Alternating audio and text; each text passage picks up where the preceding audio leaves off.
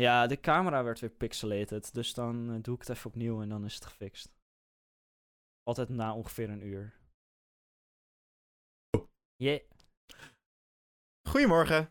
Goedemorgen.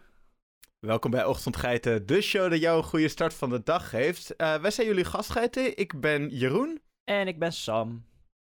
En we gaan vandaag naar een lekkere aflevering luisteren over stekende dieren. Dus pak je harnas maar, eh, trek hem aan en we gaan de wereld induiken van zowel de onderwater stekende dieren als de bovenwater stekende dieren. Daarmee gaan we, eh, ja, het wordt eigenlijk een soort van ter land, ter zee en in de lucht, maar dan van stekende dieren. Ja. En daarnaast krijgen we een lekker receptje erbij en gaan we aan het einde nog twee mooie nieuwe liedjes bespreken.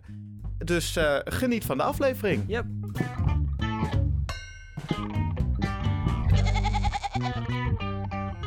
Mm. Even lekker slokje water. En we gaan over meerdere dingen praten die ook in het water zitten. Namelijk stekende dieren die in het water zitten. Voordat we een mooi receptje gaan delen. Jij, eh, jij gaat de eerste volgens mij voorschotelen. Ja, er zijn dieren die eh, wel cool zijn. En sommige zijn wat minder cool. En soms zijn er dieren die inderdaad steken. En daar gaan we het over hebben. En dat kan leuk zijn, dat kan niet leuk zijn. Ehm, maar dat maakt niet uit. We gaan het gewoon over hebben. Want sommige dieren doen dat als afweermechanisme of op andere manieren. Dus ik ga beginnen over de koraalduivel. Een beest wat, eh, naar mijn mening, echt er heel mooi uitziet. Ehm, heeft me Mhm. altijd al gefascineerd. Ik ben er Ehm, zeker mee eens ook. ja, en ook wel een relatief bekend dier, vind ik. Qua, nou ja, ehm, ze vallen ook heel erg op natuurlijk. Maar ik, Ja. ik weet nog dat ik hier best wel op jonge leeftijd al mee in aanraking kwam. Ah goed, Ehm, algemene naam, wetenschappelijke naam, is, zijn de, is de als ik dat even op zijn Nederlands uitspreek. En ehm, dat is een, een, een, een geslacht, dus er zijn er meerdere. Ehm, maar Aha. van giftige zeevissen, algemeen bekend als dus de koraalduivels. Afkomstig uit de Indo-Stille Oceaan. Hij wordt gekenmerkt door een opvallende waarschuwende kleur, eh, ja, met rode of zwarte banden. En opzichtige rugvinnen met aan de eh, giftige stekels. Ehm, de radiata, de volitans en de miles zijn het meeste eh, meest bestudeerde soorten in het geslacht. Ehm, maar al deze eh, soorten zijn hele populaire aquariumvissen. Ehm, en eh, er zijn er twee, eh, waaronder dus de volitans en de miles, dat ik net noemde, zijn eh, ja, belangrijke invasieve soorten. Dus die komen gewoon lekker, lekker chillen waar ze het niet, eigenlijk niet horen, maar dat doen ze gewoon lekker. Maken ze gewoon een ruimte van. Ehm, in de westelijke Atlantische Oceaan, de Caribische Zee en de Middellandse Zee. En daarom kom je ze ook overal tegen. Ehm, In 1817 werd het geslacht beschreven door de Duitse natuuronderzoeker, botanicus, bioloog en ornitholoog Lorenz Oken. In Die man heeft veel onder zich. Ah, veel gedaan. Ehm, in 1856 wees de Franse natuuronderzoeker, ehm, ik ga echt mijn best doen, oprecht. Ehm, Eugène Anselme Sébastien Léon de Marais Scorpina Volitans. Die in ehm, ah, 1787 door Bloch was genoemd en dezelfde was als Linnaeus Gasterosteus Volitans uit 1758. Jezus. Aan als de type soort van het geslacht. Dus dat betekent, er zijn mensen geweest die kwamen dat dier tegen, die gaven het een naam. En toen dacht iemand anders, nee, ik geef het deze naam. Zoals het wel eens gaat in de wetenschap en zeker in de biologie. Ehm, want zeker vroeger was het gewoon geschreven en niet algemeen bekend. Dus als iemand dan op een ander deel van de wereld het tegenkomt en daar toevallig niet vanaf weet dat het al een naam heeft, geef het nog een naam. En Maar dat- ehm, dat, dat betekent dus ook dat, het een, dat de naam eigenlijk een Franse naam is. Dus het is Ja. eigenlijk Pieterois. Ehm, soort van. Ehm, het komt van Le Terroir. Eh, terra, terra, terroir, als je dat zo moet zeggen. Van, eh, eh, ja, het slaat helemaal nergens op, joh. ja, Ehm, kuttaal. Van ehm, eh, Georges Cuvier uit 1816. En dat betekent gewoon letterlijk vinnen. En dat is een verwijzing naar de hoge rugvinnen en de lange borstvinnen. Dus daar komt het vandaan. Eh, nou ben ik wel klaar met die naam. Ja, dus we houden het lekker op koraalduivels. Jonkies hebben een unieke tentakel boven hun oogkassen. Waarvan het, eh, eh, eh, ja, hoe het eruit ziet, per soort verschilt. Evolutie van deze tentakel zou dienen om voortdurend nieuwe prooien aan te kunnen trekken. Studies suggereren ook dat die een rol speelt in eventuele seksuele selectie. Dus, maar dat, zijn dus vooral de jonkies die dat hebben. Ehm, de soorten kunnen 5 tot 15 jaar oud worden en hebben een, een heel erg complex balts- en paringsgedrag. Ehm, vrouwtjes laten vaak twee met slijm gevulde eierclusters los, die wel 15.000 eieren kunnen bevatten. Ehm, dat is flink veel. Ehm, alle soorten eh, ja, hebben een opvallende kleur met fel, eh, contrasterende strepen en brede waaiervormige uitsteeksels. En die maken reclame voor hun vermogen om zich te verdedigen. Dat is ook het hele idee. En zeker in de, eh, in de zee, op het moment... dat- hey, dat rijmt. Op het moment dat ehm, eh, dieren zichzelf willen verdedigen... of meer willen aangeven van... hé, hey, ik kan mezelf verdedigen. Of natuurlijk als placebo-effect van dat ze zichzelf kunnen verdedigen... ehm, hebben ze felle kleuren. En dat zie je Ja. niet alleen in de zee hoor, maar specifiek in de zee zie je dat wel heel vaak. En ook ehm, ja, met, met allemaal stekels en vinnen en uitstekende dingen. ehm, om, ja, om dat eh, goed, goed te kunnen laten zien. Ja, dan, li- dan lijk je ook groter dan dat je daadwerkelijk bent. En Ja. dat werkt natuurlijk heel goed in de zee. Eh, je gaat niet zo snel een dier aanvallen wat groter dan je is. Maar ook al is de vis zelf kleiner, door de vinnen is hij nog een stuk groter. Ja, en het is inderdaad vooral het oog. Dat, dat het groter oogt, maar dat het niet per se zo hoeft te zijn. Ja, precies. Ehm, ze jagen of, of azen vooral op kleine vissen, ongewervelde dieren en weekdieren. Waarbij in het eh maagdarmkanaal van sommige van de exemplaren tot zes verschillende soorten prooien worden aangetroffen. Ehm, dat is veel. Dat is echt wel veel verschillende soorten. Ze vreten gewoon alles wat los en vast zit en wat maar net niet groot genoeg, eh, te groot is, laat ik het zo zeggen. Koraalduivels eh, voeden zich het meest eh, actief in de ochtend. Ehm, en zijn bekwame jagers die gespecialiseerde sp- ja, blaas, zwemblaasspieren gebruiken om hun plaats in, in, in water nauwkeurig te controleren. Ehm, ze kunnen gewoon letterlijk hun zwaartepunt veranderen om hun prooi beter te kunnen aanvallen. Ehm, ze blazen waterstralen terwijl ze hun prooi naderen. Ehm, daardoor wordt de prooi verward en de oriëntatie wordt veranderd, zodat de kleinere vis tegenover de koraalduivel komt te staan. En dit resulteert in een, een, een flink hogere mate van eh, efficiëntie, eh, omdat het voor de koraalduivel gemakkelijker is om met de kop naar voren te gaan. De koraalduivel spreidt als een grote borstvinnel en slikt zijn prooi in één beweging in. Dus het, het is echt super geavanceerd. Het is gewoon een, Ja. een, een, een, een soort luchtstroom. Die vis die, die draait zich daardoor om en die koraalduivel hapt hem gewoon eh, Vet. naar binnen. Ehm, Hoezo in de ochtend eigenlijk? Want Dat je hoort we- heel vaak of in de nacht of echt... Zou ik geen antwoord op? Moeten we een, een, een, een, een, een, eh, een, een zeebioloog, hoe je dat ook mag noemen, eh, moeten we daarvoor even vragen. Maar dat, daar zou, dat zou ik niet weten, waarom dat specifiek in de ochtend of in de avond eh, is. Het zal waarschijnlijk met het licht te maken hebben en hoe- Ja, met ze voedsel. ze zwemmen niet diep, voor zover ik weet. Dus eh, waarschijnlijk rond koraalvissen, maar ja, wat hier dus ook staat, ongewervelde dieren en weekdieren. Ehm, daar hebben ze wel gewoon licht voor nodig. En misschien in de ochtend zijn die het meest actief. Dat kan. Ehm, ja, precies. En andere dieren hebben dan, dan natuurlijk nog geen koffie gedronken. Ja. Dus dan eh, zijn de andere dieren wat minder alert. Precies. Afgezien van gevallen van cannibalisme van grotere koraalduivels op kleinere individuen, hebben volwassen koraalduivels weinig natuurlijke vijanden. Waarschijnlijk als gevolg van de effectiviteit van hun giftige stekels. Wanneer een koraalduivel wordt bedreigd, zal hij zijn lichaam zo richten dat zijn rugvin op het roofdier gericht blijft. Zelfs als dit betekent dat hij ondersteboven moet zwemmen. Ehm, maar ja, dit redt hem niet altijd natuurlijk. Ehm, de murenen, ehm blauwgevlekte eh, vissen en grote tandbaarzen zijn waargenomen die op eh, koraalduivels azen. Ook van haaien wordt aangenomen dat ze eh, dat kunnen doen zonder dat hun stekels nadelige gevolgen hebben. Parkbeheerders van het Roatan Marine Park in Honduras hebben geprobeerd om haaien te trainen in het eten van koraalduivels om de invasieve populaties in het Caribische gebied onder controle te houden. Slim, dan hoef je er namelijk niet op te gaan vissen en dan gaan die beesten ook niet zo stressen. Kost ook een stuk minder geld, uiteraard. Maar het is vooral voor, Mhm. de, voor de natuur beter. Ehm, de bobbitworm, een roofdier dat in een hinderlaag eh, eh, zit, eh, is gefilmd terwijl die op koraalduivels jaagt in Indonesië. Eh, eh, roofdieren van larven en jonge koraalduivels zijn nog onbekend, maar zouden wel eens de belangrijkste beperkende factor kunnen zijn voor koraalduivels in hun oorspronkelijke verspreidingsgebied. Lijkt me logisch, ehm, maar dat is met heel veel vissen het geval. Zeker wat kleinere vissen. Parasieten van koraalduivels zijn eigenlijk bijna niet eh, gevonden en worden ja, verondersteld weinig voor te komen. Ehm, en dan heb je het over eh, isopoden en, en bloedzuigers. Maar ja, dat gebeurt dus eigenlijk bijna niet. Ehm, Ja. Ze staan bekend om hun, hun giftige eh finstralen, waardoor ze gevaarlijk zijn voor andere zeedieren en mensen.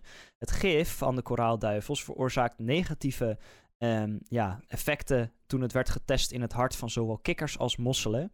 Het heeft ook een drukkend effect op de eh, bloeddruk van konijnen. Ehm, en deze resultaten worden toegeschreven aan het vrijkomen van stikstofmonoxide.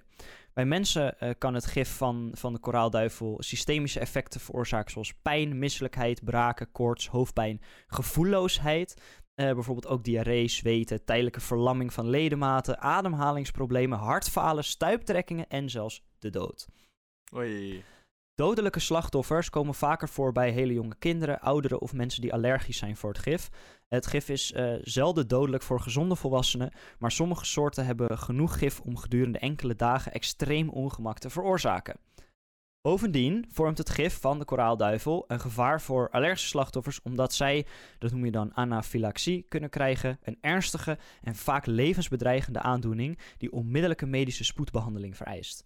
Ehm, dus ja, als dat niet gebeurt als je in het water zit en je raakt in shock bijvoorbeeld, dan ben je gewoon weg. Ja, ik, ik, ik lees hier ook vanwege de eh, samenstelling van het gif is het noodzakelijk om het getroffen lichaamsdeel direct onder te dompelen in water van minimaal 45 graden. Stel, je krijgt het ooit, even eh, snel onderdompelen. Maar moet het wel 45 graden zijn. En dat Ja, is in de zee moet- bijvoorbeeld niet het geval. Nee, pak een wa waterkoker, geen idee. Kokend water. Ja, dus dat is boven de 45 graden. Ja. Ehm, ja, er zijn, eh, de, de, de ernstige allergische reacties zijn vrij logisch. Pijn op de borst, ernstige ademhalingsmoeilijkheden, daling bloeddruk, eh, zwelling van de tong, weet je, zweten, onduidelijke spraak. En dat, ja, dat kan uiteraard dodelijk zijn. Ja. Ehm, maar, als je ze goed bereidt, kan je ze eten. En daar wil lekker. ik mee afsluiten. Ehm, er is wel trouwens een campagne geweest tegen het eten van deze vissen. Ondanks dat ze invasief zijn, zijn ze niet heel erg veel aanwezig. Ehm, en als ze dus veel op hun gejaagd gaat worden voor voedsel, dan, eh, ja, dan Ja. kan dat gewoon uiteraard een probleem opleveren voor de populatie. Dat is gewoon niet handig. Nee. Krijgen die mooie, eh, mooie knakkers gaan niet meer door, de, door het deelwater zwemmen. Ja, zo eh, Dat zou je zou het inderdaad kunnen zeggen. hey, we blijven even onder water. Ehm, yes. Maar Nou, ja, Ja, ik, ga, ik ga hebben over anders stekelende, stekelende diertjes onder water, namelijk de zeeegels. Uh, ja, ik vind het altijd best wel grappig om die, om die dieren te zien. Uh, ja, wanneer ik bijvoorbeeld in een wat warmer land dan Nederland aan het zwemmen ben. Uh, dan kan je ze soms op de rotsen kan je ze zien zitten. En dat vind ik altijd heel grappig, want ze lijken, ja, ze lijken zo stil. En het lijken eigenlijk gewoon niet levende dieren. Maar dat zijn het wel zeker. Uh, want het zijn, ja, ze zitten volop leven. En ik uh, ga dus eventjes uh, vertellen wat zeeegels zijn, wat ze doen, hoe ze leven en alle andere gezellige dingetjes daarvan. Nou, laten we even bij het begin beginnen. Namelijk, wat zijn zeeegels? Nou, zeeegels zijn stekelige, ongewervelde dieren die in het water leven. Zeeegels zijn meestal min of meer bolvormig, hartvormig of schijfvormig en hebben een uh, onderstandige mond. Dus dat betekent dat hun mond onder, onderaan hun lichaam zit. Uh, ze hebben een hard panzer dat meestal bedekt is met stekels. Het panzer bestaat uit kleine plaatjes waarop zich knobbels bevinden, waarop de stekels beweegbaar zijn. En die zijn dan vastgehecht door middel van een kogelgewricht. Dus dat is best wel ingenieus. Ja.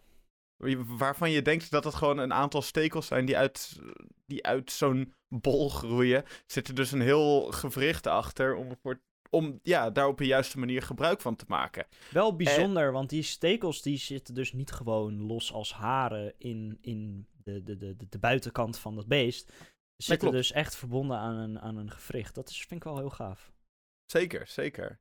Ja, want ze gebruiken het eigenlijk ook voor heel veel dingen. Ze gebruiken het bijvoorbeeld ook voor voortbewegen. Ja, dat wist ik wel. Ja, het is, het is alleen niet hoe ze, hoe ze lopen. Ze gebruiken het alleen. Uh, zeeegels die beschikken over een soort van voetjes. Waarmee ze zich uh, vooral over harde oppervlakte heel erg goed kunnen verplaatsen. Deze voet, eh, voetjes die werken hetzelfde eh, als bij zeesterren. Eh, de uiteinden van deze voetjes zijn een soort vacuümpompjes waar het dier zich mee voorttrekt. Ze kunnen daarmee alle kanten op bewegen. En ze hebben niet echt een directe voorkeurskant, want het kan, ja, het kan toch alle kanten opdraaien. Het is ook leuk om te weten Ja. over, die, eh, over die stilstaande beestjes daaronder onder in het water. Eh, maar ze helpen met voortbewegen. ja, voortbewegen, dat, daar krijgen ze hulp, eh, hulp van de stekeltjes bij. Want daarmee zetten ze zichzelf soms af of tillen ze, ze, ze zichzelf daarmee omhoog. Vandaar ook die, ko eh, die kogelgewrichten. Daarmee kan je in principe alle kanten op, dus daar kan je jezelf mee optillen. Ja. En ja, het kan er ook voor helpen dat door jezelf omhoog te tillen, dat je daarmee de, de weerstand met het grondoppervlak kan verkleinen. Ja. Sommige soorten die graven zich ook zelfs in met behulp van de stekels. Er zijn eigenlijk gewoon voor die soorten zijn het een soort van kleine schepjes waarmee ze het zand omhoog doen. En ik ben het weer voor aan het doen. maar De luchtbewegingen komen heel misschien door in de microfoon. Ja, heel misschien. Ik hoop het niet. Dat zal eens niet goed zijn. O- om zich te kunnen verplaatsen zijn rotsen en koraal een goede ondergrond. Los zand werkt heel vaak een stuk minder goed. En dat is ook de reden waarom we in Nederland eigenlijk vrijwel nooit last hebben van zeeegels wanneer je op het strand bent. Hm. Ze houden niet van zand, ze kunnen daar zich eigenlijk niet door verplaatsen. Ja. Dus eh, blijven ze daar maar weg van. Ehm, de zeeegel beweegt zich overigens veel meer wanneer hij honger heeft dan wanneer dat niet het geval is. Het voortbewegen wordt dan ook nagenoeg geheel gekoppeld aan de voedselvoorziening. Het is net De als een beetje het, het, het vliegen van roofvogels. Of het vliegen van vogels in het algemeen. Ja, Over het klopt. algemeen doen ze dat echt puur om, om voedsel te verzamelen. Of, of nou ja, hè, om zo'n functie te doen. En doen ze dat niet gewoon voor de lol. Nee, het, het is echt met een doel inderdaad. Ja, het, het kan me Ja. ook wel voorstellen dat net als bij vogels... dat het ook best veel energie kost voor zo'n zeeegel om zich voor te bewegen. Ehm, dus ja, ja. Zeker, zeker, zeker. En dan is inderdaad de kleine dingetjes die je kan eten, daarmee kan je niet eh, de hele dag rondrennen als Nee. zeeegel zijnde. precies. En vooral omdat je zo'n hele grote bos stekels bo- eh, boven jezelf hebt hangen, dan is dat natuurlijk ook, moet je dat allemaal meezeulen. Dat is toch ook best wel veel energie wat daarin gaat. Ja. Eh, wanneer de zeeegel pech heeft, dan valt hij om en ligt hij op de zijkant of op de bovenkant. Door zijn vorm eh, door van vorm te veranderen en de stekels te gebruiken, kan hij ervoor zorgen dat hij zich uit de benarde eh, positie eh, bevrijdt. En dat is ook wel belangrijk, want ja, de onderzijde van zo'n zeeegel is behoorlijk onbeschermd. Hier zit namelijk ook de mond van de zeeegel, wat ik zojuist al benoemde. Het bestaat uit een soort van lippen die, ja, die je kan zien wanneer het dier dus omgedraaid wordt. Het gebied bevat speciale grijparmpjes om voedsel richting de mond te kunnen brengen. Ook de kieuwen zijn hier ook terug te vinden aan de onderkant. Eh, in de mond zelf eh, bevinden zich piramidevormige kalkplaatjes die als een soort tanden en rasp kunnen werken. Oké. Dus, op die, dus op die manier kan, ja, kan het eigenlijk zijn eten vermalen. Met die tanden kan de zeeegel de, eh, en ook niet, niet alleen algen van stenen schrapen, maar ook voedsel kapot krijgen. En kan hij ook zijn prooi ermee vasthouden of, of ja, kan ermee aan dingen trekken. Dus hij kan eigenlijk van alles en nog wat doen met zo'n eh, met zo'n mondje. Met eigenlijk dus echt tanden erin. Eh, ja, maar wat gaat er nou eigenlijk allemaal eh dat mondje binnen? Ik ben heel benieuwd. Je zegt al algen, maar voor de rest... Ja, ik zou zeggen misschien zeeslakken. Ehm, of ja, misschien toch Nou, mosselen of iets in die richting. dat, is, dat is allemaal iets te groot. Het is met name eh, plantaardig voedsel of Hmm. dood organisch materiaal. Ah, kijk, oké. Ja, sommige soor- eh, soorten die nemen ook wel dierlijk voedsel. Maar ja, het is toch... Ze hebben niet zo'n heel groot mondje. Ja, Ze, breng- maar ze brengen het voedsel meestal met, met die buisvoetjes. Dus met die eh, voetjes met vacuüm gezeik. eh, en stekels richting de mond. En om- omdat zeeegels algen eten, kunnen ze bijdragen aan behoud van de koraal. Eh, en ja, dat zorgt ervoor dat, die, eh, dat de algen. Af, ja, dat, dat er minder algen groeien in het koraal zelf. wat er ook weer voor kan zorgen dat zo'n koraal beter kan floreren. En zo is bijvoorbeeld in het Caribisch gebied in de jaren 80 is er een massale sterfte ge- gebeurd onder de zeeegels. En vanuit daar werd er een herstelprogramma ontwikkeld ter behoefte van het koraal. Dus ja, de zeeegels die zijn eigenlijk een soort van ridders van het koraal. Ja, Vind ik ook wel lachen. Ze hebben ik vind het zo functie. Ik vind het zo gaaf dat in, in een koraal eh, ecosysteem, zeg maar, zou je het misschien wel kunnen noemen. Eh, dat zoveel dieren, zoveel verschillende functies en zoveel belangrijke invloeden hebben. En dat dit is gewoon Ja, een soort van eh, nobele eh, actie van zo'n zeeegel. En hij doet het natuurlijk om zelf om te overleven. Maar het is, het is een, een- bijna gewoon een symbiotische relatie. Ik vind het echt heel Ja. gaaf. Ja, zeker. Het is echt, het is echt leuk hoe het eigenlijk... Dat soort kora koraalriffen, dat zijn gewoon maatschappijen Ja, voor, voor dieren onder water. Beesten. heel gaaf. En eh, nog even over die stekels. Eh, die stekels hebben namelijk ook een beschermende functie.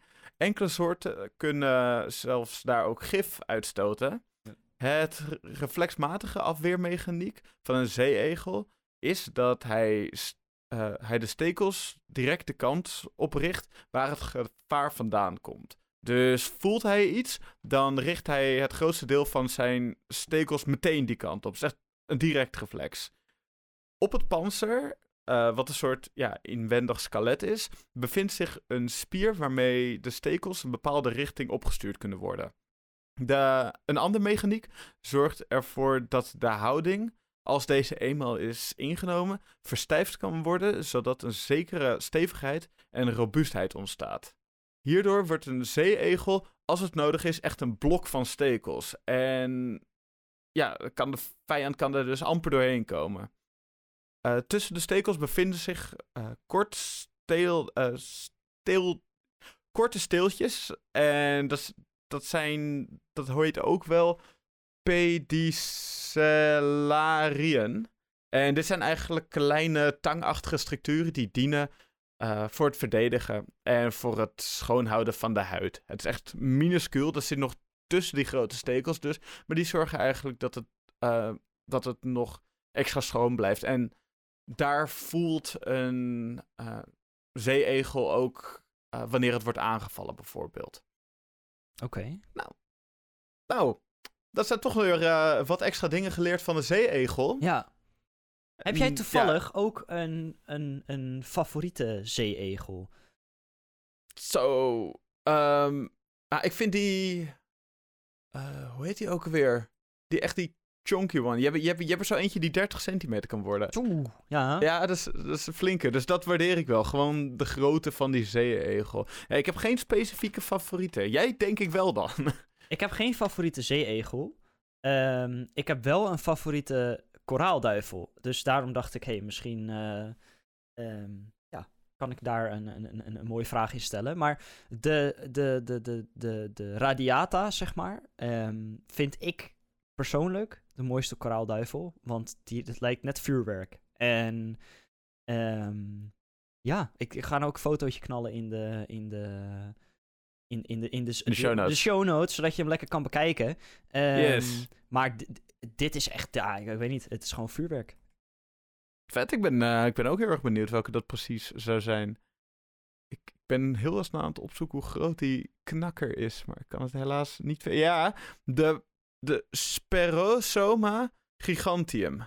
Oké, oké. en, die, eh, en de grootste van die, die heeft een eh, schaaldoorsnee van 36 centimeter. Dat is flink. Dat is wel een grote zeeegel, daar wil je niet op staan. Nee, Doet auw. ja, maar ja, daar wil je gewoon eigenlijk niks mee. Gewoon lekker gangetje Nee. laten gaan. Precies. Lekker laten, laten lopen, zouden we dan eh, zeggen. Live and let live. Ja. Hey, ehm, Hey, we hebben het over de diertjes en wat ze eten en zo. Maar wij als mensen eten ook al eens dingen. En nou heb ik vernomen eh, van eh, anonieme bron, maar wel betrouwbare bron, dat... Ik ben benieuwd welke bron. Dat jij iets, ja, voor mij en voor de luisteraar hebt. En ehm, ik weet al een klein beetje wat het is. Ehm, want ik de, mag bron heeft al wel aardig wat Ja. weggegeven. Maar eh, ja, ik, ja ver- vertel maar. Ik ben heel erg benieuwd. Ik ook? Nee, grapje. Eh, ja, jij weet het al, omdat ik het gisteren tegen je gezegd heb. Ja. Dat ik dat gisteravond zou gaan koken. En dat heb ik gisteravond ook zeker ge- gedaan. Het is een eenpanspasta. Een fija... eh, een fiji... Nee, fajita pasta. Lekker romige. En ik ga even eh, laten weten aan jou hoe jij dat gaan moeten lopen te maken. Eh, wat je nodig hebt is drie eetlepels olie, drie kipfilet in reepjes. Kipfilet hoeft niet per se. Ik heb gisteren eh, gister vegetarische kip eh, stukjes gebruikt. Ah, Die zijn nice. Heel erg lekker. Dan kan je gewoon één, één zo'n bakje van 175 gram halen. En dat is eh, helemaal top daarvoor. Eh, daarnaast één rode paprika in stukjes. één groene paprika in stukjes. één gele paprika in stukjes. één ui fijn gesneden. één theelepel zout. één theelepel peper. één eetlepel chilipoeder. één eetlepel komijn. En één eetlepel knoflookpoeder. Als je niet weet hoeveel één eetlepel is, dat is, één- eh, dat is 15 centili- eh, centiliter. Alsjeblieft. Eh, daarnaast nog 1200 milliliter melk, dus 1,2 liter melk. Eh, 500 gram penna pasta. En 100 gram geraspte kaas. Een beetje meer als je het kaziger wil maken. Zeker. Ja. ik wou net zeggen, Dat had- 100 gram is best weinig. Dat had ik gisteren ook zeker gedaan, inderdaad. Eh, wat je doet is, je verhit in een grote pan op hoog... eh, je verhit olie op een grote pan op hoog vuur. Eh, je voegt de kip to- toe, of de vegetarische kip, is allemaal soort of kip. En je bakt deze gaar. Je haalt de kip uit de pan en voegt dan paprika en ui toe. Dus alle drie de paprika's en alle één de uis. En bak daarna de paprika en de ui totdat deze laatste een beetje glazig wordt. Dit is trouwens recept voor vier mensen. Als je voor twee mensen maakt, doe er over de helft van. Maar dat zou ik niet doen, want dan hou je heel veel shit over. Ehm, doe de kip weer in de pan samen met zout, peper, chilipoeder, komijn en knoflookpoeder. En roer deze dan heel goed door elkaar. Nou, nu heb je een lekker papje met allerlei kruiden en allerlei groenten en een beetje kip. Wat je daarna doet, is je voegt de melk en de pennen toe. En je blijft roeren om te voorkomen dat de pasta aan de pan vastplakt. Eh, kook dit geheel 8 à 10 minuten. eh, ja, totdat de pasta gaar is en de melk een dikke saus is geworden. Ik moest hem ietsjes langer gaan koken, omdat ik hem op het begin had ik de, pan, eh, had ik de deksel erop. En toen bedacht ik me ineens van, oh nee, ik moet het de doorroeren. Dus ja, gewoon, gewoon lekker door blijven roeren. Ehm, op het einde, wanneer dat klaar is, dan is al het, eh, alle melk is echt in, in alles getrokken. En alle kruiden is overal ingetrokken. Dus je hebt dan gewoon een lekkere smurrie. En dan voeg je de kaas, eh, de kaas toe. En blijf lekker roeren, meer kaas toevoegen. Totdat het allemaal gesmolten is. En daarna moet je het direct serveren. Heb je best wel een lekkere maaltijd. Nice. Ik ben echt heel benieuwd. Het klinkt super lekker. Yes. Het is, het is ook echt een, eh, een aanradertje om te gaan maken. Het is eh, vooral kaas. Oh, je, je hebt die heerlijke gesmolten kaas met die melk. Oh. Nou, het, eh, kan je zeggen, het is een partijtje genieten geblazen. Ja, nice. Dankjewel voor het delen. Ik denk dat iedereen hier wel wat aan heeft. tenzij je natuurlijk niet van kaas houdt of niet van pasta houdt. Maar weet je niet, Je- ik kan je- niet alles voor iedereen hebben. Dus dan ga je maar lekker pannenkoek maken of zo. Ja, pannenkoek. Maar eh, ja, als je het wel wil maken, het recept dat vind je in de show notes. Yes. Hey, ehm, we gaan eventjes terug. Maar we klimmen uit de zee. eh, zoals vissen ook hebben gedaan ooit. En ehm, we gaan naar... eh, Dus het- de evolutie van de ochtendgeiten. Ja, precies. We gaan naar het vasteland. En ehm, ik wil het eventjes hebben, we blijven uiteraard bij dieren die steken, ehm, eventjes hebben over schorpioenen. Want ja, het, het zijn bijzondere dieren omdat ze er naar mijn mening uitzien als een soort aliens. Ehm, Ja. Dat ze eigenlijk gewoon bijna niet op deze planeet thuis horen. Ehm, in hoe ze werken, hoe ze eruit zien, wat ze doen. Ehm, maar goed, het zijn roofinsecten van de orde Scorpionus. Ze hebben acht pootjes ehm, en zijn heel makkelijk te herkennen aan een paar grijptangen en een smalle, eh, ja, gesegmenteerde staart die vaak in een hele karakteristieke voorwaartse boog over de rug wordt gedragen en altijd eindigt met een steekpunt ding. Lekker. Eh, en Mm. eh, de, de evolutiegeschiedenis van schorpioenen gaat 435 miljoen jaar terug. Dat is lang geleden. Ehm, ze leven voornamelijk in woestijnen, maar hebben zich aangepast aan de meest uiteenlopende milieuomstandigheden en komen voor op alle continenten behalve Antarctica. Had je dat verwacht? Ja. Oké, ik niet. Ehm, Oké, Oceanië had ik niet... Nou, Oceanië had ik trouwens wel verwacht. Juist, Juist. Juist. daar horen Sorry ze. hoor. Jezus, Daar sorry alle- hoor. alle dieren- Alle dieren die, die, die naar zijn, die, die leven dat is daar. waar. Die steken. Ehm, eh, dat vind ik altijd wel sneu voor, voor deel van mijn familie die daar al hun hele leven lang woont. Nou ja, zij zullen eraan gewend zijn, maar... eh, ja, daar ben je ook aan inderdaad. ja, ik, ik heb bijvoorbeeld een, een van mijn familieleden, achter nicht, die heeft een huis eh, aan de zuidkust. En Mhm. daar kruipen gewoon regelmatig slangen door de tuin heen. En er staan dus op verschillende punten in de tuin staan scheppen. Zodat als ze een slang ziet, dat er altijd een schep in de buurt is om mee te mappen. Oh, slim. Ja. Ja, maar Goed ja, voorbereid. weet je, als, dat, als je daar, ja, dat lijkt me gewoon niet echt fijn. eh. maar goed. Schorpi- s- schorpionen. Ehm, er zijn meer dan 2500 beschreven soorten. Met tot op heden 22 bestaande levende families. Hun eh, taxonomie wordt herzien om rekening te houden met de studies van de 21ste eeuw. Dus hè, dat hebben we al eerder besproken in afleveringen over dieren. ehm, dat heel veel van deze eh, eh, taxonomie van heel veel dieren opnieuw wordt ingedeeld. Zoals bijvoorbeeld ook bij katachtigen en dergelijke. Schorpioenen jagen vooral op insecten en andere ongewervelde dieren. Maar sommige soorten jagen ook op gewervelde dieren. Ze gebruiken hun scharen om prooien in bedwang te houden en te doden, of om hun eigen eh, eh, ondergang te voorkomen. Ehm, de giftige angel wordt gebruikt als aanval en verdediging.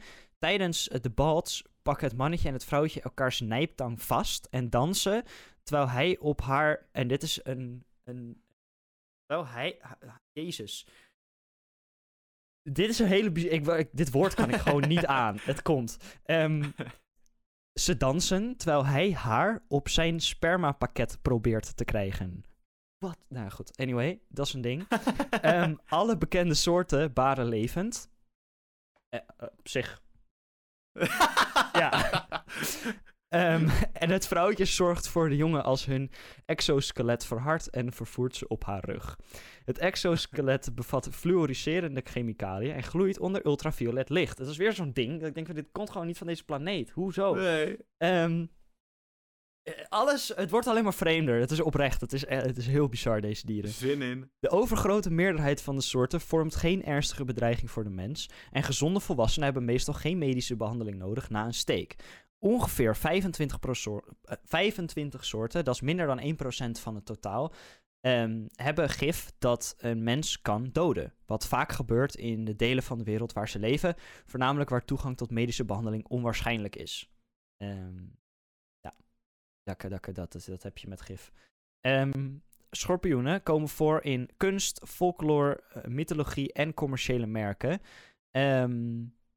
Ook wel, komen echt wel flink veel voor. Ehm schorpioenmotieven worden in, in, in, in tapijten geweven ter, eh, ter bescherming tegen hun angel. Ehm Scorpius is ook de naam van een sterrenbeeld. Bijbehorende astrologische teken is uiteraard schorpioen. Ehm, een klassieke myth- mythe over eh, Scorpius vertelt over hoe de reuzenschorpioen en zijn vijand Orion sterrenbeelden werden aan weerszijden van de hemel. Wel eh, gaaf iets. Altijd leuk als dingen vanuit het aardse verplaatst worden naar het hemelse deel. En dan eh, op zo'n manier. Net als dat we wel eens zegt van als er iemand overlijdt, dat het dan een ster aan de hemel wordt. Ehm, net als dit soort dingen vind ik dat wel gaaf. Ja. Ehm, Ja, zeker. het woord schorpioen ontstond in het Midden-Engels tussen 1175 en 1225 na Christus uit het Oud-Franse scorpion. Ehm, of uit het Italiaanse scorpione. Beide afgeleid van het Latijnse scorpio. Equivalent van scorpius, wat de romanisering is van het Griekse scorpios. Ben ik toch wel blij dat ik Grieks kan lezen. Uiteindelijk van de proto-Indo-Europese wortel ehm, eh, sker, wat snijden betekent. ehm, of, of ook wel eh, scheren. Dus hey, eh goede origin story van de naam. Vet. Ehm, en zoals gewoonlijk komt het uit het Oud-Grieks. As usual. Eh, schorpioenen komen voor op alle continenten behalve dus Antarctica. De diversiteit is het grootste in subtropische gebieden. Ehm, en ja, die, dat neemt natuurlijk af richting de polen en de evenaar. eh, eh, hoewel schorpioenen ook in de tropen voorkomen. Ehm, ze kwamen van nature niet voor in Groot-Brittannië, maar werden per ongeluk door de mens geïntroduceerd en hebben zich nu een populatie gevestigd. Nieuw-Zeeland en enkele eilanden in oceanen hebben in het verleden kleine populaties eh, eh, eh, schorpioenen gehad, die er per ongeluk binnen zijn gekomen, maar die werden uitgeroeid. Vijf kolo- ko- kolonies van Euscorpius flavicaudis hebben zich sinds het einde van de 19e eeuw gevestigd in Sheerness in Engeland, terwijl Paruroctonus boreas leeft tot in Red Deer, Alberta. Ehm, dat is 52, eh, 51 en 52 graden eh, eh, eh, noordbreedte. Dus dat, dat is eh, nou ja, interessante locatie vanwege hun verdeling op de, eh, richting de Evenaar. Aha. Een paar soorten staan op de rode lijst van de eh, IUCN. Ehm, eentje is ernstig bedreigd, eentje is bedreigd en eentje is kwetsbaar. Ehm, maar dat zijn er drie van de 2500, ruim 2500. Dat is nog steeds eh, jammer natuurlijk, maar ehm, dat is nog redelijk beperkt. Ehm, schorpioenen zijn, zoals je dat noemt, eh xerocoles, wat betekent dat ze voornamelijk in woestijnen leven, maar zijn te vinden in echt wel overal, waaronder hooggelegen bergen, grotten en intergetijdengebieden. Ze zijn grotendeels afwezig in eh, eh, bossen, zoals toendra, hooggelegen taiga en bergtoppen. Maar ook ja, de hoogste hoogte die een schorpioen heeft bereikt, is dus 5500 meter in de Andes. Eh, hoe die beesten overal komen, jongen, ik snap het echt Dat is echt bizar. Auw, oh, ik stoot weer heel hard mijn voet tegen mijn stoel aan. Oh nee, dat is wel een klassieker. Ehm, ja. Wat betreft microhabitats kunnen schorpioenen grondbewonend boom eh, eh, eh, eh, eh, ja, op, de, op de bomen zitten, in de rotsen zitten of in het zand zitten.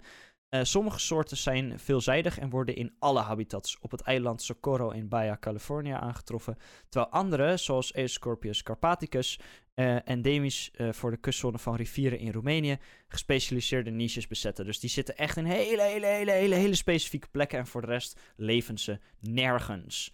Ehm. Schorpioenen kunnen worden aangevallen door andere geleedpotigen zoals mieren, spinnen, eencellige en duizendpoten. Ehm, belangrijke roofdieren zijn kikkers, hagedissen, slangen, vogels en zoogdieren. Stokstaartjes zijn enigszins gespecialiseerd in het jagen op schorpioenen, omdat ze hun stekels afbijten en immuun zijn voor hun gif. Hier heb ik wel eens een video over gezien, dat is echt heel bijzonder. Ehm, andere roofdieren die zijn aangepast aan de jacht op schorpioenen zijn de sprinkhaanmuis en de woestijnvleermuis, eh, die ook immuun zijn voor hun gif. In een studie bevatte 70% van de uitwerpselen van eh, laatstgenoemde eh, eh, diersoorten, dus de sprinkhaanmuis en de woestijnvleermuis, schorpioenfragmenten. Schorpioenen zijn gastheer voor parasieten, waaronder mijten, schutvliegen en nog, nog het een en ander, waaronder ook bacteriën. Het immuunsysteem van schorpioenen geeft een weerstand tegen infectie voor vele soorten bacteriën. Dus die kunnen er gewoon in gaan zitten en dan boeit het schorpioen niks. Misschien maken ze ook nog wel even wat schoon daar. Wie weet, misschien symbiotisch, geen idee. Zou zomaar kunnen.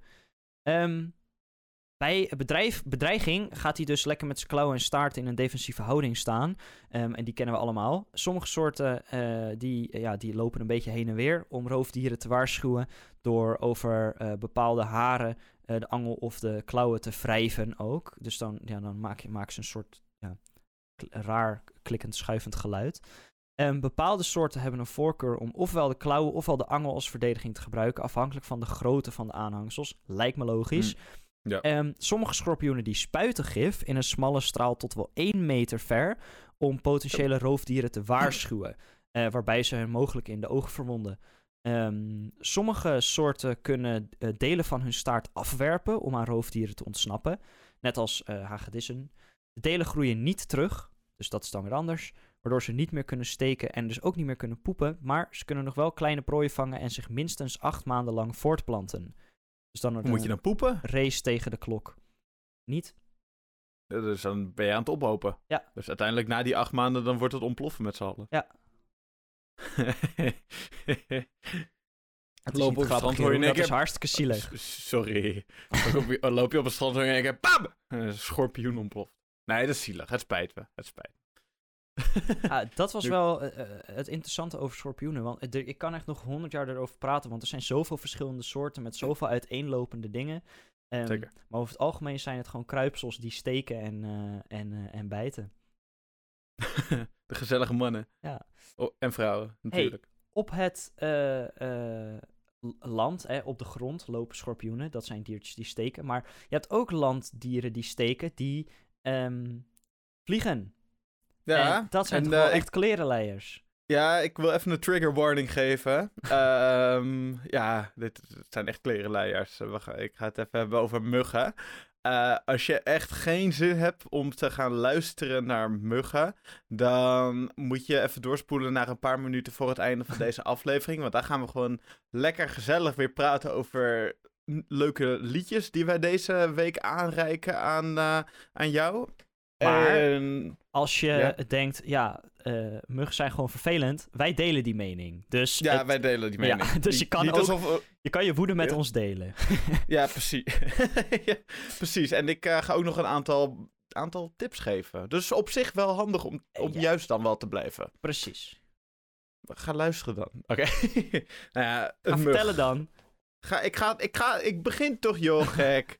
Nou, een mug heeft een klein, dun, fragiel lichaam. Eh, zes dunne pootjes. Meestal twee veerachtige antennes waarmee ze goed geur kunnen waarnemen. En ze hebben een kleine kop die ze, eh, ja, met vaak zichtbare zuigsnuitjes. Eh, lijkt een beetje op jou, Sam. Nou, wat is dit nou weer? Nee, sorry, ik ga verder. Eh, ja. er zijn wel soorten die wat groter worden, maar ja, ze hebben steeds een langwerpige bouw en meestal spieterige poten.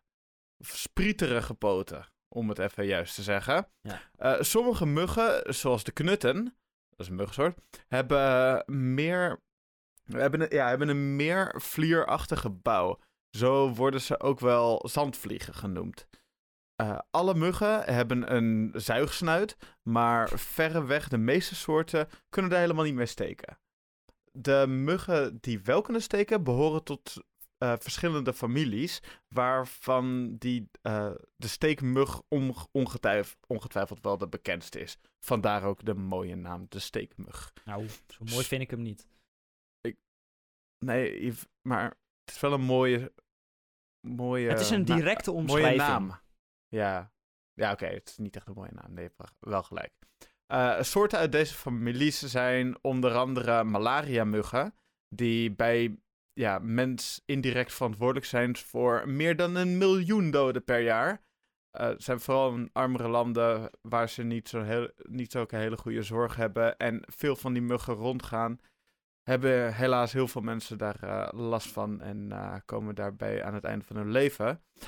Eh, ook andere muggen die kunnen voor overlast zorgen, al kunnen ze niet steken. Bijvoorbeeld zijn, ja, voorbeelden zijn langpootmuggen, waarvan de larven het gazon aantasten. Motmuggen die massaal kunnen opduiken bij een gesprongen riolering. En rouwmuggen die meestal in reusachtige zwermen eh, ja, komen. En die, die zelfs het verkeer, eh, het verkeer kunnen hinderen. Omdat het zo reusachtig is dat je er eigenlijk amper doorheen kan kijken. En bovendien brengt het trillen van de vleugels van de muggen een zoemend geluid mee. Wat voor heel veel mensen wel als irritant ervaren wordt. Ja, zo, man, man, man. Echt, eh, als ik, een, als ik dat geluid hoor, dan krijg ik gewoon een soort van oerwoede of zo. Is, het, Ja. het, kan me echt zo pissig maken. Dat is Ja, ik- ongelooflijk. Ik zat ook te denken om het geluid, van, eh, het geluid zeg maar toe te voegen. Zeker niet. Heel eventjes. maar ik bedacht me toen al best wel direct dat we daardoor luisteraars zouden verliezen. Absoluut. en haat krijgen. ja, muggen die leven van plantensappen zoals nectar. De twee vleugels worden in rust achter de rug gevouwen.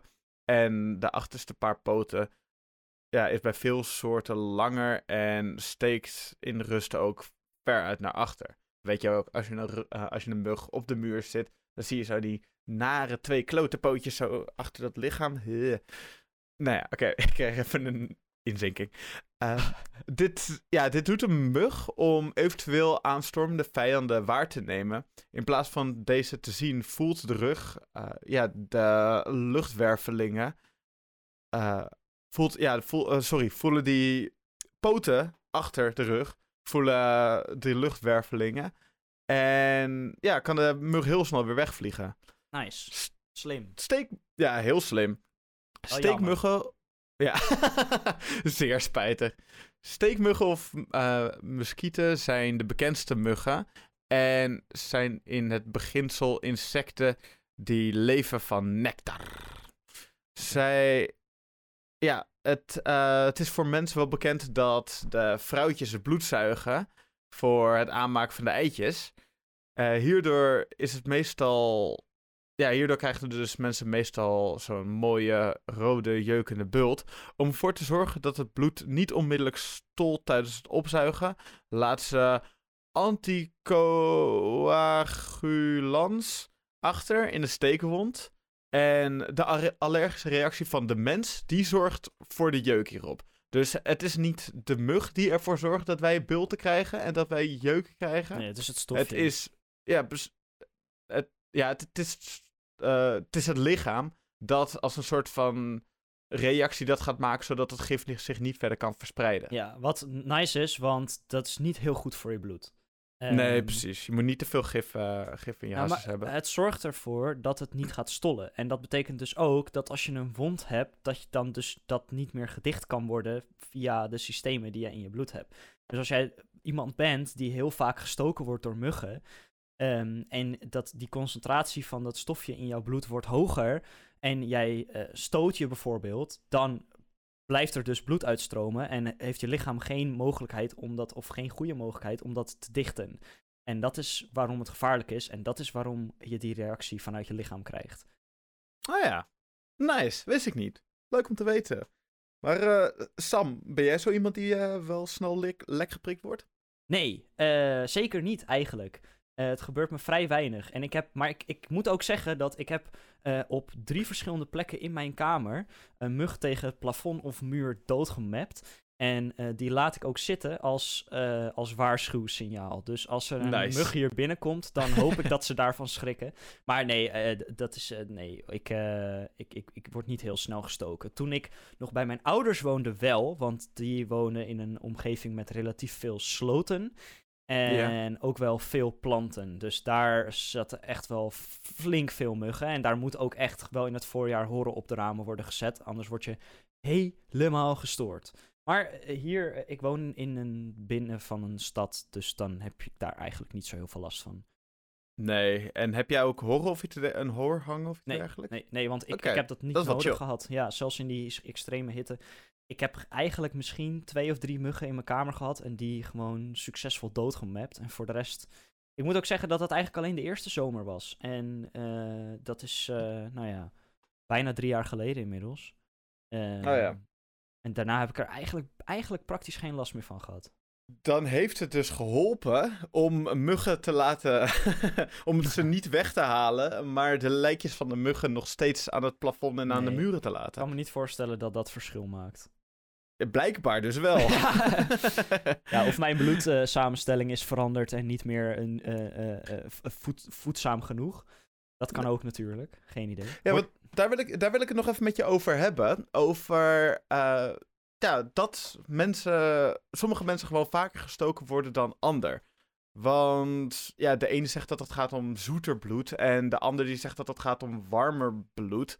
Maar ja, ik wist het eigenlijk zelf ook niet echt voordat ik het ging opzoeken. En gelukkig was, daar het bedrijf Pfizer, wat voor mij vooral bekend was van de coronavaccins.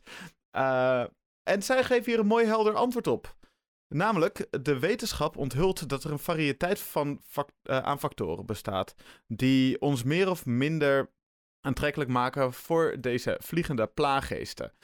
De, die factoren lopen uiteen van verschillende hoeveelheid kool, uh, kooldioxide die in je adem zit, tot aan de kleur van de kleding die je draagt. Dat is CO2. Ja, precies. Voor de duidelijk. Oh ja, ja, ja, ja.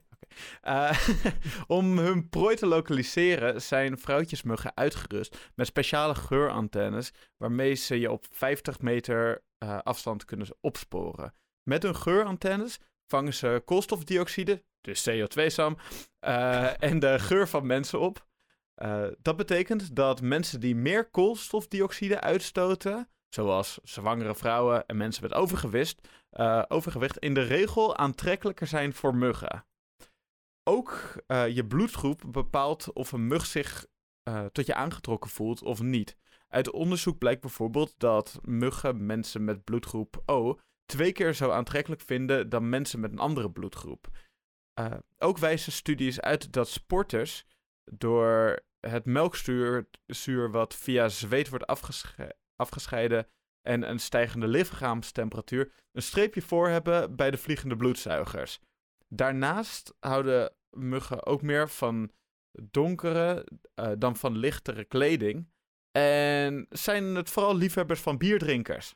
Ik denk ook door de, uh, de koolstofdioxide of iets wat je lichaam uitscheidt bij het drinken van bier. Het, of na het, het drinken van bier. van ethanol. Denk ja, ik precies. Ja. Na het drinken van bier, ja. Oh ja, ethanol. Dat is eigenlijk best wel logisch, want daar komt best wel CO2 vrij. Yes. Uh, ja, we kunnen het helaas niet op één ding aanwijzen. Dus het dingetje, omdat je zoet, uh, ja, omdat je zoet bloed hebt, of omdat je warm bloed hebt, dat heeft er niet zoveel mee te Nou, maken. Het dingen- is, heeft dus allerlei verschillende redenen. Ja, nou goed om te weten. En dan kan je dus ook naar jezelf kijken van, hé, hey, eh, vaak kan je er dan niet eens eigenlijk wat aan doen. Of in ieder geval niet eh, binnen jouw lichaam. Maar kan je het Nee. wel verklaren waarom jij sneller of minder snel prikt wordt? Ja, precies. Maar er zijn wel dingen wat je kan doen tegen muggen. En hier komen, hier komen de tipjes naar boven. Er zijn vier maatregelen die werken tegen muggen. Waterbronnen aanpakken, eh, horen voor de ramen plaatsen, een klamboe gebruiken en muggenspray opspuiten. en blijkbaar is nummer vijf om muggenlijkjes te laten hangen. Eh, me- eh, muggen vliegen doorgaans niet ver en hun larven drijven in stilstaand water, zegt Knols. Dat is een wetenschapper. Eh, het is daarom effectief om regenwater uit bijvoorbeeld kruiwagens en plantenbakken ja, gewoon gelijk weg te gooien. Want dan komen niet die mugjes daar naartoe. Eh, wat je bijvoorbeeld kan doen tegen muggen in de slaapkamer is dus horror, eh, horror, horen tegen de ramen van je slaapkamer doen. Of voor, voor, niet tegen. Want als je tegen het raam doet, dan heb je er alsnog niks aan. Eh, Ligt eraan hoe je, hoe je raam open gaat ook, hè? Want de meeste mensen, hun raam gaat naar binnen open en dan moet je hem dus aan de buitenkant bevestigen. En als je een schuifraam hebt, dan moet je hem wel tegen het raam... Nee, ook niet tegen, want dan gaat hij. Nou, ja, eh, kijk maar zelf hoe je het moet doen, joh, gek. Ehm, daarnaast beschermt een klamboe ook tegen muggen als je ligt te slapen. Eh, het nadeel van een klamboe is dat je nog steeds wel het geluid kan horen. Oké, ik moet ook niet nagaan doen, dat is niet handig. Ehm, en ja, dat komt ook goed uit, want de meeste muggensoorten zijn vooral eh, s'nachts actief. En die proberen je ook ja, vaker meer dan één keer per nacht te steken. Dus een klamboe, als je veel last hebt van muggen op je kamer, is dan wel handig. En natuurlijke middelen tegen muggen, zoals citroen of knop, eh, knoflook, werken niet. Dat is even goed om te weten, want veel mensen denken dat wel. Eh, maar anti-muggenspray is volgens deskundige Knols een laatste redmiddel. Date is wereldwijd het populairste middel. Daar zit, eh, ja, daar zit citriodiol in. En dat is gemaakt op basis van eucalyptusolie. En is ook geschikt voor kleine kinderen. Eh, andere werkzame middelen zijn picaridin en... Oh, hier komt er eentje. IR3535. Oh, Eh, Lekker man.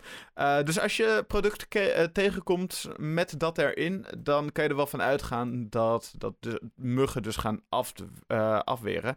En smeer het ook op alle zichtbare delen van de huid. Veel mensen rennen meteen naar de apotheek als ze langs last krijgen van muggen. Maar het is effectiever om het andersom aan te pakken. Dus haal eerst de broedplaats weg. En probeer dan de muggen buiten te houden. En ga dan pas op het laatste spuiten en smeren. nou, Nou, goede tips. Dat zijn wat ja, dat zijn wat tipjes om jezelf in je leven te beschermen tegen muggen. Uh, ik heb hier horen voor mijn kamer en dat heeft ervoor gezorgd dat ik, denk ik, in de uh, eh, 14 jaar dat ik hier woon, twee muggen binnen heb gehad of zo. Denk ja, ik. die komen dan waarschijnlijk via een andere manier binnen. Ja, dan via de deur, uh, via de deur of zo. Ja hey, um, nou uh, hebben mensen denk ik het gezoem van die beesten in hun hoofd zitten. Dus om dat eventjes te, te, te elimineren, geven wij twee lekkere liedjes mee. Um, ja, ik vind ehm, het een heel mooi bruggetje. Um, om ervoor te zorgen dat je daar niet meer aan hoeft te denken. en eh, ja, Jeroen, jij hebt een, een, een, een kort liedje. Wel echt een lekker liedje. en ja. ook de, de tekst is best wel uh, nice. Dus ja, ja ik, ik ben je al misschien wat voor, maar vertel. Nou, ik heb uh, dit, deze week gekozen voor Collie Man van Slightly Stooped. Sowieso, Slightly Stooped, hele leuke band, ga naar luisteren. Uh, ik vind het nummer vind ik zo vet. Het is gewoon, het, het is een heel erg rustig, dynamisch nummer. Maar het is, ja, het gitaarspel is lekker. Het is gewoon tranquilo en gewoon, ja, echt een lekker nummertje. En inderdaad, de tekst spreekt mij ook erg aan. Ik moet zeggen dat het, uh, je zegt dat het een rustig liedje is, maar er zit nog wel een redelijke drive achter. Het heeft wel tempo en dat is wel nice.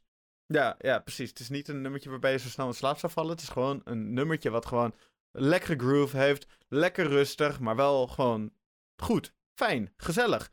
Uh, over die tekst, die goede tekst waar jij het zojuist over had. Uh, daar zegt Miles Dudley, of Doley, uh, dat is de zanger van Slightly Stoop, zegt daar de volgende over. Uh, kan je ook meenemen met wanneer je het nummer zelf gaat luisteren. Uh, the Collie Man is a lot of the same kind. Uh, Oké, opnieuw. A Collie Man is, a, is a lot of the same thing as far as life and love and liberty. Collie Man is the herbs man, but it's also anyone that can make you feel good. it's it's that kind of feeling, like yeah, like the road of life is going uh going up and down. It doesn't matter as long as music goes on. Uh, for us, music is our life, and it's what brings smiles into our faces and the faces of our fan and people that has been around us. Uh, I think it's so important that when you don't have it, you're looking for it. Uh, we we call it the collie man, the herbs man, and if you can get uh, get him and he's around. It makes yeah all your pain go away, lifts you up and go into the next level of life. En dat vind ik wel een mooi iets wat mij gewoon aansprak. Gewoon, het is een klein nummertje van voor mij 2 minuten en 15 seconden uit mijn hoofd. Maar het, het brengt gewoon een. Zowel het nummer zelf geeft een goede vibe, als de tekst, die ook gewoon gaat over iets wat een goede vibe creëert. Ik moet zeggen dat, ook al weet je niet waar het voor staat, de Coliment, dat je ook wel aan de lyrics kan zien dat dat het idee is van het lied. En dat vind ik mooi. Ja, precies. Dat je het niet per se in een dieper niveau hoeft te begrijpen, maar dat het gewoon een fijn liedje is. Nee, het gaat, het gaat gewoon echt daarom. Maar ik vond het even leuk om, uh, de, ja, om wat Miles Dowley erover zegt. Als je dat zo uitspreekt. Uh, ja, vind ik leuk om even te delen. Ja, nice. Hey, ik heb een liedje wat uh, ook wel redelijk uh, dynamisch uh, is, maar dan op een hele andere manier. Ja. Um, een liedje van, um, nou ja, ik, ik zeg soms mijn favoriete band, soms zeg ik mijn top drie favoriete bands, want dat fluctueert nogal. maar toch wel de band waar ik in mijn leven het meeste naar heb geluisterd en nog steeds actief naar luister. En dat is Opeth. En dit is een Zweedse band Um, die relatief bekend is, zeker in de metal scene, maar ook gewoon in de progressive scene. Ze maken progressive muziek. Dat betekent dat het uh, de muziek gemaakt is om dingen op te bouwen en af te bouwen op een relatief unieke manier. En uh, dat ze dingen halen uit heel veel verschillende genres. Dat kan metal zijn, dat kan jazz zijn, dat kan funk zijn, dat kan anything. Um, en dat spreekt mij heel erg aan, progressive muziek. Uh, omdat het heel, nou ja, ze gebruiken interessante maatsoorten, dat is één. Uh, maar ook interessante toonsoorten. En Opeth uh, heeft een heel uniek geluid. Dus laat ik dat in ieder geval als introductie van die band zetten.